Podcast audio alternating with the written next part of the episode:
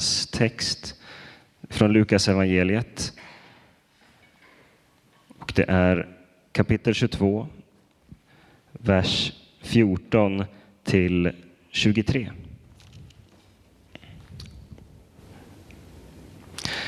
När stunden var inne la han sig till bords och apostlarna tillsammans med honom.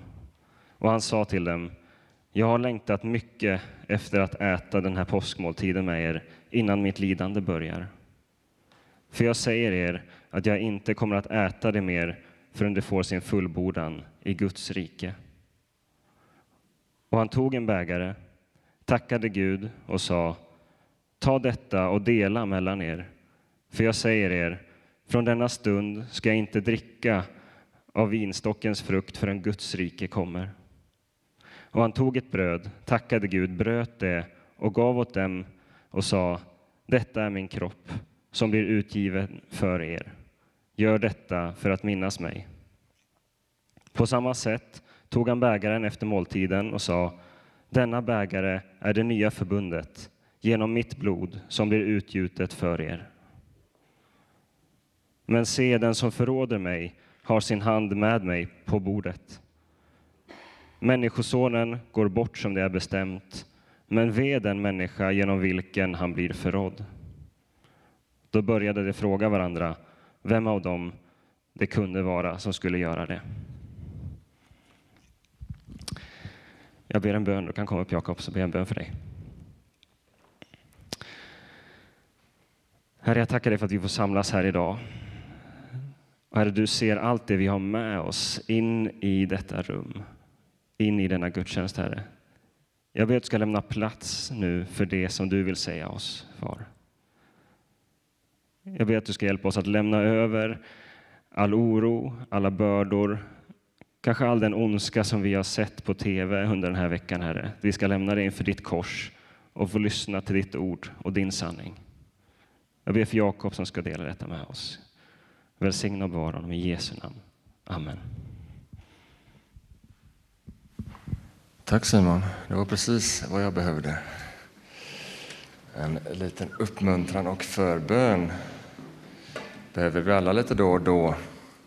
Vad gott att ni är här eh, och eh, delar den här söndagen tillsammans med oss. Eh, vi är som kyrka så roligt, vid högtider och sådär så brukar väldigt många åka bort i vår kyrka. Så när andra kyrkor har fullt på påsk då brukar vi ha lite mindre, men jag är överraskad att så många är här idag ändå. Eh, lovsångsbandet däremot är sjuka, eh, lite så här sent och inga reserver fanns tillgängliga. Så då löste vi på detta sättet, så hoppas att det gick bra. Eh, det blir lite mer lovsång i slutet här. Så det är fantastiskt att vi, har, att vi kan göra på det sättet. Det är ju palmsöndagen och palmsöndagen på något sätt är ju liksom det som öppnar upp påsken för oss. Eh, ofta hör man i kyrkorna och här också, Jesus rider in i Jerusalem och sådär. Eh, och liksom öppnar upp hela, hela dramat kring påsken och vad som ska utspela sig. Men vi är ju inne i en serie som vi kallar för Middag med Jesus. Eh, och då passar det sig inte så bra med en åsna, men det passar sig bra med en måltid eh, som däremot också då relaterar till, till eh, påsken. Och vi har ju lyft fram ett axplock genom den här serien med måltider i Jesu liv. Och vi hade kunnat fortsätta den här serien väldigt, väldigt, väldigt länge därför att Jesus han äter väldigt mycket. Han är väldigt mycket på fester och har det trevligt med människor. Vi hade kunnat tala om bröllopsfesten och vinundret. Eh, vi hade kunnat tala om Jesu möte med Sackeus. Vi hade kunnat tala om Emmausvandrarna och hur de äter tillsammans. Eller när Jesus grillar frisk på stranden, sätter igång en barbecue och lärjungarna kommer. Liksom, Vem är det? Men det är ju Jesus som står här och grillar fisk. Eh, så eh, det finns så mycket eh, att tala om och det är så mycket som händer kring en måltid. Ibland slänger man bara i sig liksom en, en, en sån snabbnudla liksom, och det kanske inte händer så jättemycket vare sig näringsmässigt eller på andra plan heller. Men annars kring en måltid, en måltidsgemenskap, så händer så mycket. Och idag landar vi i en måltid med Jesus som också inkluderar dig. Den måltid som utan jämförelse är Jesu viktigaste måltid och också den viktigaste måltiden som du kan ta del av. Och idag talar vi om en annan sorts måltid som mättar en annan sorts hunger. Vi talar om en annan sorts måltidsgemenskap som möter ett djupare behov av upprättad relation och försoning. Och kapitlet som vi hämtar dagens text ifrån, om man hade hoppat tillbaka lite och börjat lite tidigare, så står det så här i kapitel 22, vers 1. Att nu närmade sig det osyrade brödets högtid som kallas påsk. Det är ungefär där vi befinner oss just nu, också i tiden. Att nu närmar sig den tiden, det osyrade brödets högtid som kallas påsk. Massor viktiga händelser i våra liv inkluderar en måltid. Jättemycket kantras av måltiden, eller viktiga händelser i våra liv, men också genom historien så är det liksom över en måltid som viktiga saker händer. Fred har mäklats och massor spännande viktiga saker händer över en måltid. Och så är det också med den judiska påsken som vi läser om här, det osyrade brödets högtid. I centrum av den judiska påsken var en måltid. Och vi, vi firar ju med fjädrar och med ägg och mera ägg. Och faktum är att det är först den här påsken som jag har förstått att det här med ägg faktiskt inte bara är något så här påhittat, liksom, utan det har faktiskt en religiös betydelse. Visste ni det? Jag har ingen aning. Eh, jag läste det och sen dagen efter kom min son hem och berättade och sa jag vann igen Kahoot i skolan. Jag vinner alltid Kahoot, för det är bara Kahoot när det är kristna högtider och då vinner jag jämt. Så jag känner mig som pastors, liksom gott min son. Jag fick alla rätt. Ja, vad var det för frågor då? Ja, men då var det bland annat det här, varför äter man ägg på påsk? Och det är för att ägghönsen börjar värpa lagom till påsk här i Sverige då. Så då är det uppståndelsen som det symboliserar, det kommer till liv igen. Och ägg så som sådant också är liksom symbolen för liv. Så det är väl någon form av pragmatisk symbolisk koppling här till, till, till, till kristen tradition. Men många äter också lamm under påsken. Och jag läste en lite rolig grej, att en tredjedel, det är enormt mycket. En tredjedel, det är 33 procent. Det är massor av det lamm vi köper köps under påskhelgen.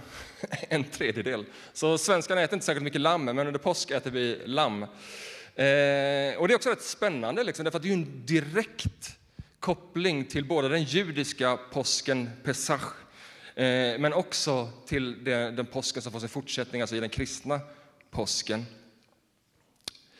Den judiska påsken Pesach hade firats vid det här tillfället som vi läser nu. Jesus säger att, att, eh, eller det står i evangeliet att, att den osyrade brödets högtid, påsken, närmade sig. Det är alltså en högtid man hade firat i över 1500 år. Och för några av er är det bekant, för andra kanske inte, men den judiska påsken firades till minne av uttåget ur Egypten. Så Israels folk hade varit slavar under lång tid. Det är lite eh, delade meningar om hur länge, men det var väldigt länge i alla fall, eh, i Egypten. Och eh, de blev befriade därifrån, därav firade man, firade man påsk. Och när Gud skulle befria Israel från slaveriet och ifrån död så gjorde han det genom vad då? En måltid. Så när Gud befriade sitt folk ur slaveriet så gjorde han det genom en måltid. Och man läser i Andra Mosebok om ett felfritt lamm, ett perfekt lamm utan någon defekt. Ett felfritt lamm som skulle slaktas och tillagas. Och så bakade man ett osyrat bröd som också skulle ätas. Så läser vi om hur man skulle ta blodet ifrån lammet och stryka på dörrposten som ett tecken på att det här hemmet står under lammets beskydd. 1500-1600 år innan Kristus. Och det osyrade brödet, osyrat, symboliserar ofördärvat. Vi kan tycka att liksom man syrar ett bröd med surdeg och så, det är något bra, absolut. Men symboliskt så, liksom så fördärvas liksom det rena mjölet med, med, med gästen Så man bakade ett osyrat bröd, det rena, det ofördärvade, det felfria, lammet utan brist. Och lite märkliga saker, slakt och lamm och, och sådana här saker. Och, eh, ja, det är lite märkliga saker och liksom utanför vår normala vardag. Det är liksom inte den, den liksom vardag vi är, men det var mer bekant för dem med, med offer och sådana här saker. Eh, men också så finns det här en djup symbolik som kommer få liksom djup förståelse även för oss. Även om inte vi kan ta till oss det här med slakt och stryka blod och alltihopa, så finns det en symbolisk betydelse som talar in i vår tid. Men också för dem så var det lite märkligt och så därför så säger Gud till Mose att om det skulle vara så nu, för nu säger jag till er här att nu ska ni stryka blod här, ni ska slakta och baka osirat bröd. Och om någon kommer och frågar, det står i andra Mosebok 12 och 16, om någon kommer och frågar varför gör ni det här märkliga? Så ska ni svara, därför att det är ett påskoffer åt Herren, han som skonade oss ifrån död. Lammets blod räddade Israels folk ifrån död och måltiden symboliserade räddning och frihet. Ett liv i frihet, ett liv med riktning genom öknen mot löfteslandet. De blev befriade från slaveriet och deras liv fick en riktning. De kom inte in i löfteslandet direkt, men de fick en riktning. Packa med er av rosyrade brödet, ta med er grejer, för ni ska ut i öknen. Men ni ska inte stanna i öknen, ni ska på väg mot löfteslandet. Det må ibland kännas som att du är i öknen. Kanske kommer du hit idag och bara känner att det känns öken torrt i mitt liv. Då vill jag påminna dig om, ja, vi går igenom öken, men ditt liv har en riktning. Du är på väg någonstans. Och också där i öknen, för Israels folk när de gick i öknen så bevisade sig Gud att vara nära dem. Och jag var inne på det lite ni som var här förra veckan, att Gud bevisade sig vara nära dem. Han uppenbarade sin härlighet för dem mitt i öknen. Och vi vet också hur vi har fått den helige Ande, det levande vattnet som även om det är torrt så finns det liv, det finns vatten, det finns en fräschhet. Och jag tror att idag så kan du få uppleva hur levande vatten får bubbla fram på nytt och du får bli påmind igen, ja, Gud är med mig. Och på ett sätt skulle vi kunna nästan runda av predikan här därför att bara den här symboliken som vi ser ifrån den judiska påsken, det är så fyllt med symbolik, så fyllt mot peka, med pekare mot det som skulle komma. Och det intressanta är att genom århundraden så hade judiska folket firat påsk med en måltid som pekade bakåt mot något som Gud hade gjort. Men faktum är att hela tiden så hade faktiskt den verkliga påsken legat framför. Det de hade firat hade inte bara pekat bakåt utan varit en profetisk handling om någonting som låg framför påskalammet som slaktats de osyrade brödlimporna som hade bakats, allt de hade firat, alla ritualer, alla påsktraditioner förkunnade en verklighet som inte bara låg bakom utan som än mer låg framför och skulle komma med det verkliga påskalammet, med det verkligt levande brödet som skulle brytas för en hel värld.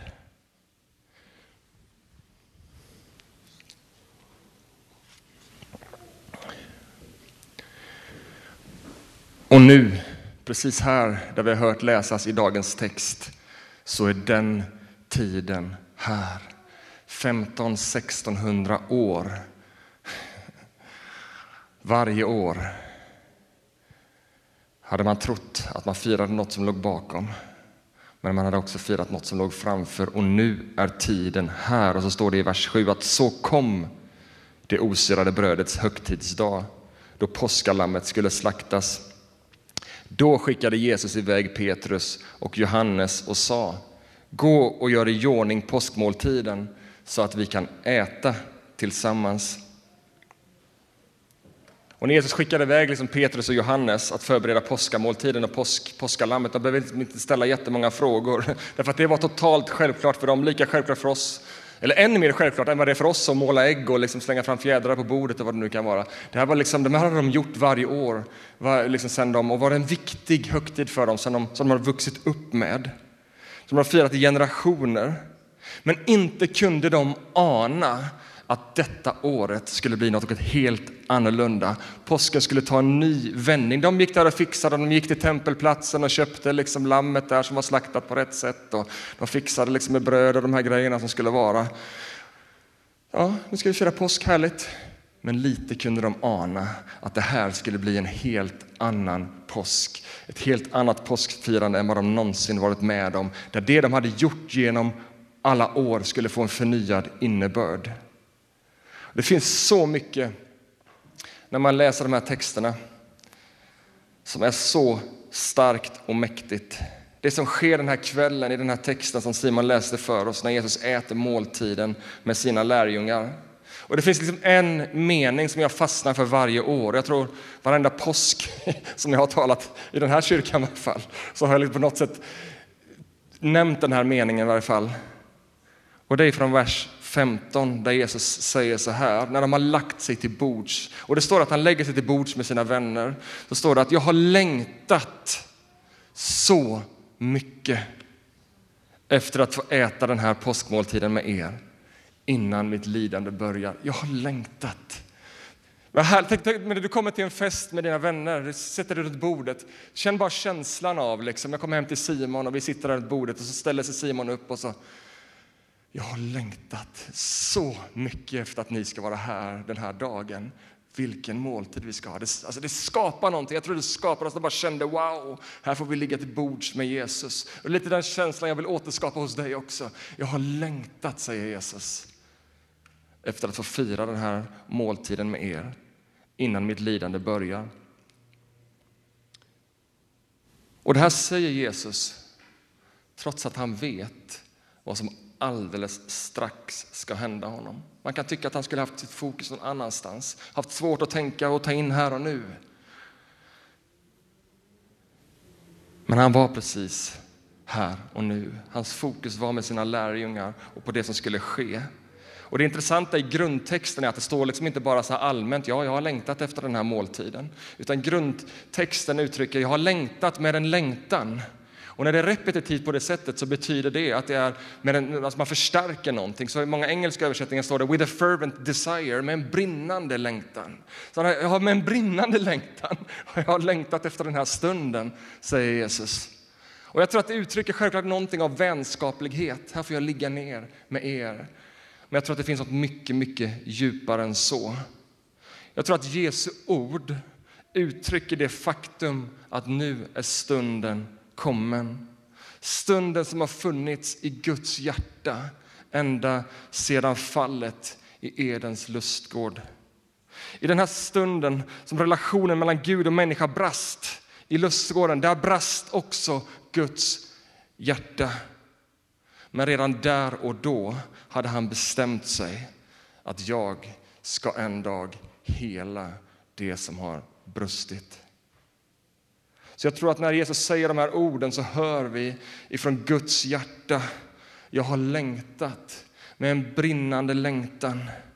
Jag har längtat med en brinnande längtan och nu ska ni få se allt det som jag har gjort genom historien.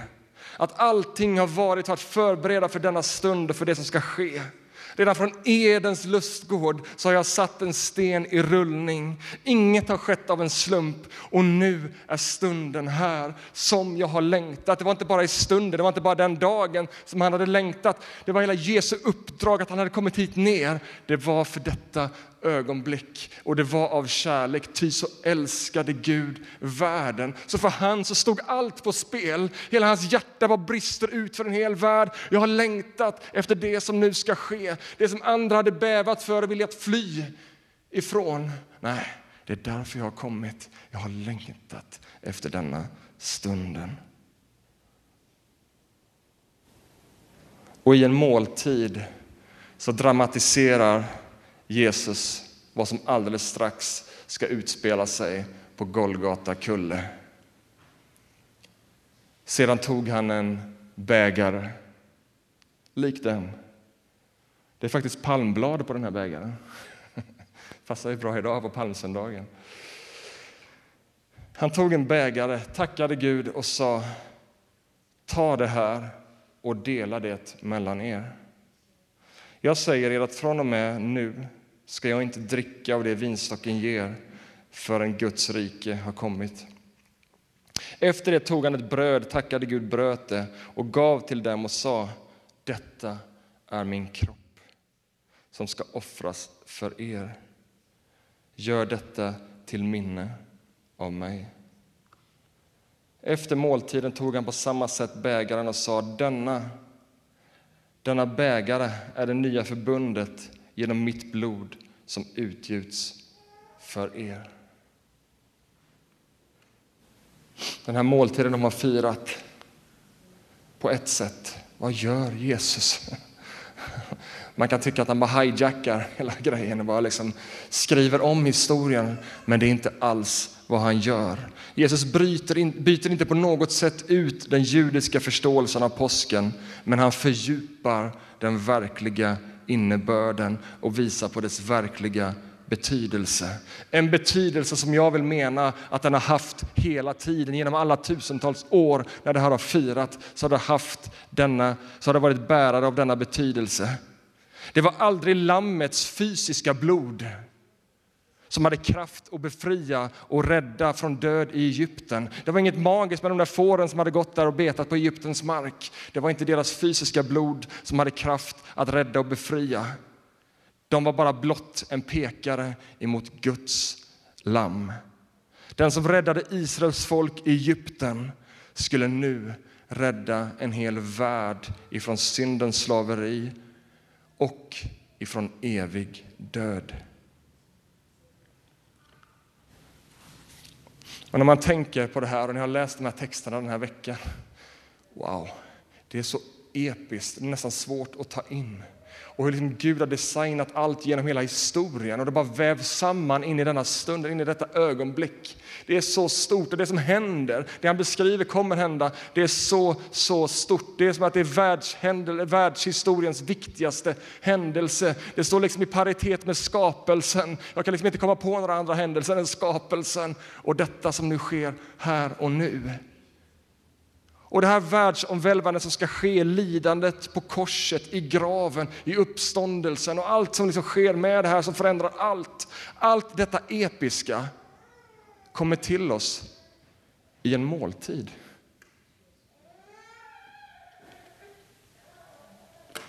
Hur ska våra hjärtan minnas det Jesus gjort för oss? Genom en måltid. Vad ska stå i centrum för de kristna människorna i alla tider och för kristna kyrkan? En måltid. Något så enkelt och så banalt som en måltid. Hela det här episka ner i bröd och vin. Och tänk också på hur det utspelar sig. I all enkelhet. Jesus med sina vänner som han har ätit så många måltider med, som han har spenderat så mycket tid med. Där bara i all enkelhet en vänskapsmåltid. Och det är inte särskilt hög religiös ribba heller för den delen. När de låg där till bords och åt så tog Jesus ett bröd. Det mest banala, det mest enkla, ett bröd var liksom det enkla. Det är liksom det som ris är för asiater. Det är liksom eh, eh, det mest basala.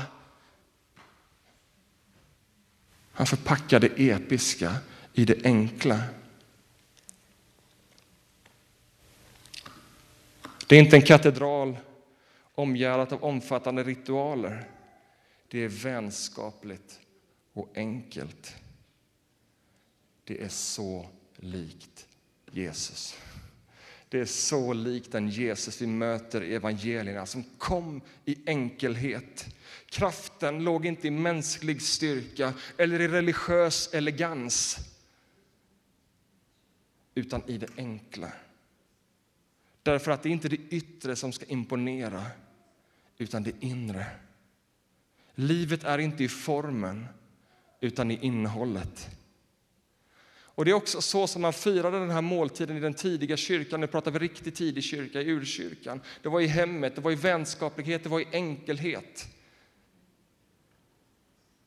Sen ser vi liksom en utveckling av, liksom med, genom århundradena av liksom religiös elegans, Av liksom, vi bara lägger på lager av lager kring det här som var något enkelt. Det bara liksom blir mer och mer komplext och hela gudstjänstlivet professionaliserades.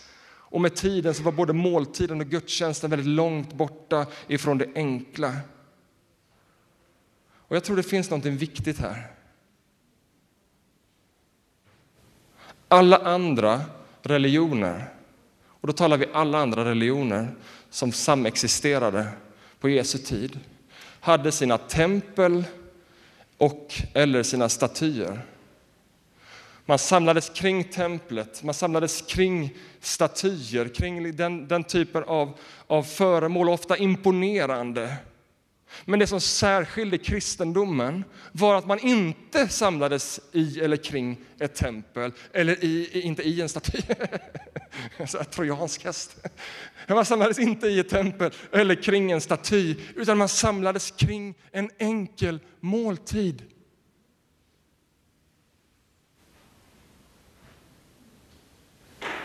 Han ger oss någonting så enkelt som en måltid för att kristen tro inte ska vara bundet till ett tempel, inte ska vara bundet till en särskild plats, inte ska vara bundet till ett prästerskap eller till någonting imponerande, liksom religiöst, mänskligt.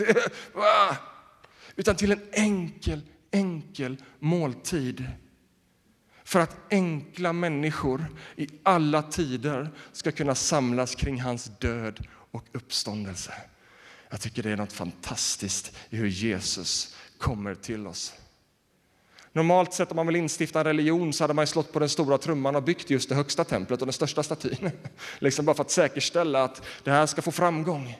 Men Jesus visste att kraften låg i någonting annat. Kraften låg i innehållet. Kraften låg i det som skulle snart hända på Golgata kulle. Vi vill gärna göra saker mer religiöst komplicerade än vad de är. Men Jesus är inte särskilt intresserad av, av religion. Han är mer intresserad av relation. Vi vill gärna dra, dra gränser. Vem får vara med? Vem får ta nattvarden? Jag ska inte svara definitivt på den frågan. Men jag vill lämna det öppet för dig att reflektera. Se på denna måltiden som vi har läst om idag. Kring bordet ligger Jesu vänner, yes. Men där ligger också hans fiender. Där ligger också den som ska förråda honom alldeles strax. Jesus vet att hans fiende ligger där därför att han säger själv i vers 21, men här vid bordet finns hans hand som kommer doppas i denna bägare och han är den som kommer att förråda mig. Han vet, därför att han säger alldeles strax att där finns Petrus som alldeles strax kommer att förneka honom, inte bara en, utan två, utan tre gånger. Han vet att också de som säger att han är hans vänner och som är hans vänner, också de kommer alldeles strax i en trädgård lägga benen på ryggen och springa därifrån och fly och överge honom. Nattvarden ska ske på ett värdigt sätt. Jag vill inte på något sätt verka slarvig eller nonchalant. Och jag gillar orden ifrån en teolog som heter Ben Witherington. Och han har sagt att vi ska närma, ben Witherington och han har sagt att vi ska närma oss nattvarden så som, vi närm, så som Mose närmade sig den brinnande busken. Låt oss ta av oss skorna. Låt oss inse att platsen är helig. Låt oss inse att vi går fram för att ta, liksom uppleva kanske det mest heliga av ögonblick där vi ska få möta Kristus. Bekänn och omvänd därför er synd. Jag är med. Det där är så viktigt. Men kanske är det inte upp till oss att dra för skarpa gränser. Utan på denna grunden, med en helig respekt och på syndernas bekännelses bro, så välkomnas vi på stadiga eller på lite mer skakiga ben fram till korset för att ta emot syndernas förlåtelse och liv ifrån Kristus. Har du bekänt din synd och ditt behov av Jesus så är du välkommen fram att ta emot nattvarden. Och därför förkunnelse, nattvarden är en förkunnelse säger Paulus, därför nattvarden förkunna för dig och nattvarden får skapa tro i dig på Jesus Kristus. Och genom den här serien så har vi sett Jesus äta med syndare och fariseer. Han gör ingen skillnad på vem han välkomnar till sitt bord. Än idag vill jag säga att Jesus bjuder syndare till sitt bord och måltiden är för dig som vill ta emot och som vill leva i korsets verklighet och kraft. Och nu ska jag sluta. Det är så signifikant att Gud ger oss en måltid. Precis som en vanlig fysisk måltid ger liv till din kropp så ger Jesu bröd och vin, Jesu blod och kropp liv åt din inre människa. Nattvarden är en andlig måltid som mättar en inre hunger. Kring nattvard, och inte bara det, det sker också någonting mer. Kring nattvardsbordet så finns en unik måltidsgemenskap där vi inte väljer bordsgrannen utan där det är Jesus som bjuder in till festen. En måltidsgemenskap där vi förenas med bröder och systrar, inte på någon annan grund än på grunden Jesus Kristus och den försoning som han ger. Så idag är du välkommen. Om du tror på Jesus, om du vill tro på Jesus, om du vill att han ska vara Herre i ditt liv, så är ett bord dukat som han själv har dukat för oss och på menyn står korsets verklighet för dig. För dig utgiven, för dig utgiven. Ett ständigt dukat bord med en stående inbjudan att äta av det liv som Jesus har vunnit för oss och för att dela gemenskap med treenig Gud och med hela familjen. Du är inbjuden. Amen.